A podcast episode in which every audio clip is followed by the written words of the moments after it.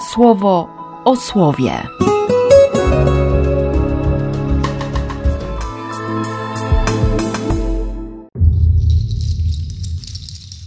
Piątek, 12 sierpnia.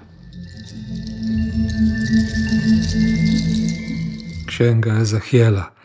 Ten szesnasty rozdział to pieśń o Jeruzalem, pieśń o grzechach Jeruzalem, ale, ale nie od grzechu się zaczyna.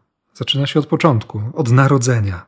W dniu Twoich narodzin nie owinęli Ci piersi, nie zostałoś obmyte wodą, ani natarte solą, nie zostałoś otulone pieluszkami. Moje oko nie czuwało nad tym, by ze współczucia dla Ciebie uczyniono Ci choćby jedną z tych wszystkich rzeczy. Lecz wyrzucone zostałeś na pole z powodu Twojej nieporadności w dniu, w którym się urodziłoś. Jednak potem przyszedłem do Ciebie i zobaczyłem Cię zbrukane krwią Twoją i dałem Ci rozrost. I łaska stała się pokusą. Nie? Tak jest. W moim życiu na pewno tak jest. Ale Pan ma miłosierdzie. I bardzo mnie dzisiaj cieszy to słowo. Cieszy mnie nadzieja Boga i cieszy mnie to, że Bóg jest wierny. Nawet wtedy, kiedy ja z wiernością nie mam za wiele wspólnego.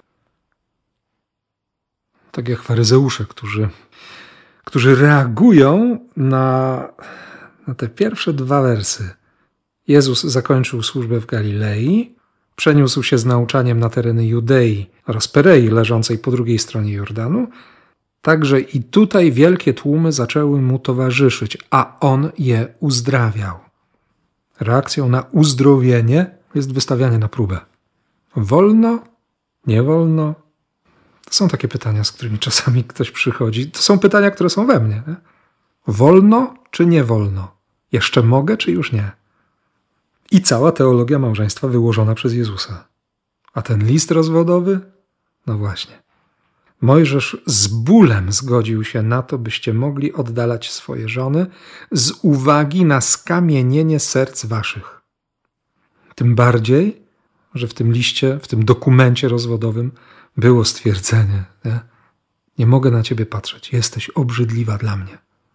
Bóg nigdy tak na nas nie spojrzy. Nigdy, nigdy. Już w pierwszym czytaniu u Ezechiela to pokazał. Jezus daje temu świadectwo aż po krzyż. Czy w takim razie lepszy celibat? Nie wszyscy są w stanie podołać życiu w celibacie.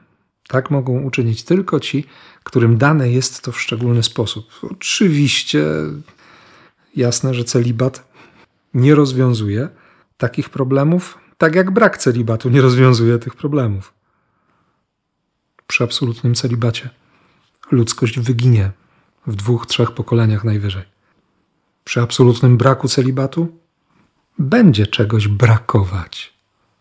Mimo wszystko.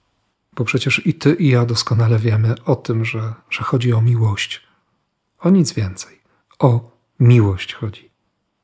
W małżeństwie, w konsekracji, w samotności, w kapłaństwie chodzi o miłość. Więc kochaj i żyj. W imię Ojca i Syna i Ducha Świętego. Amen. Słowo o słowie.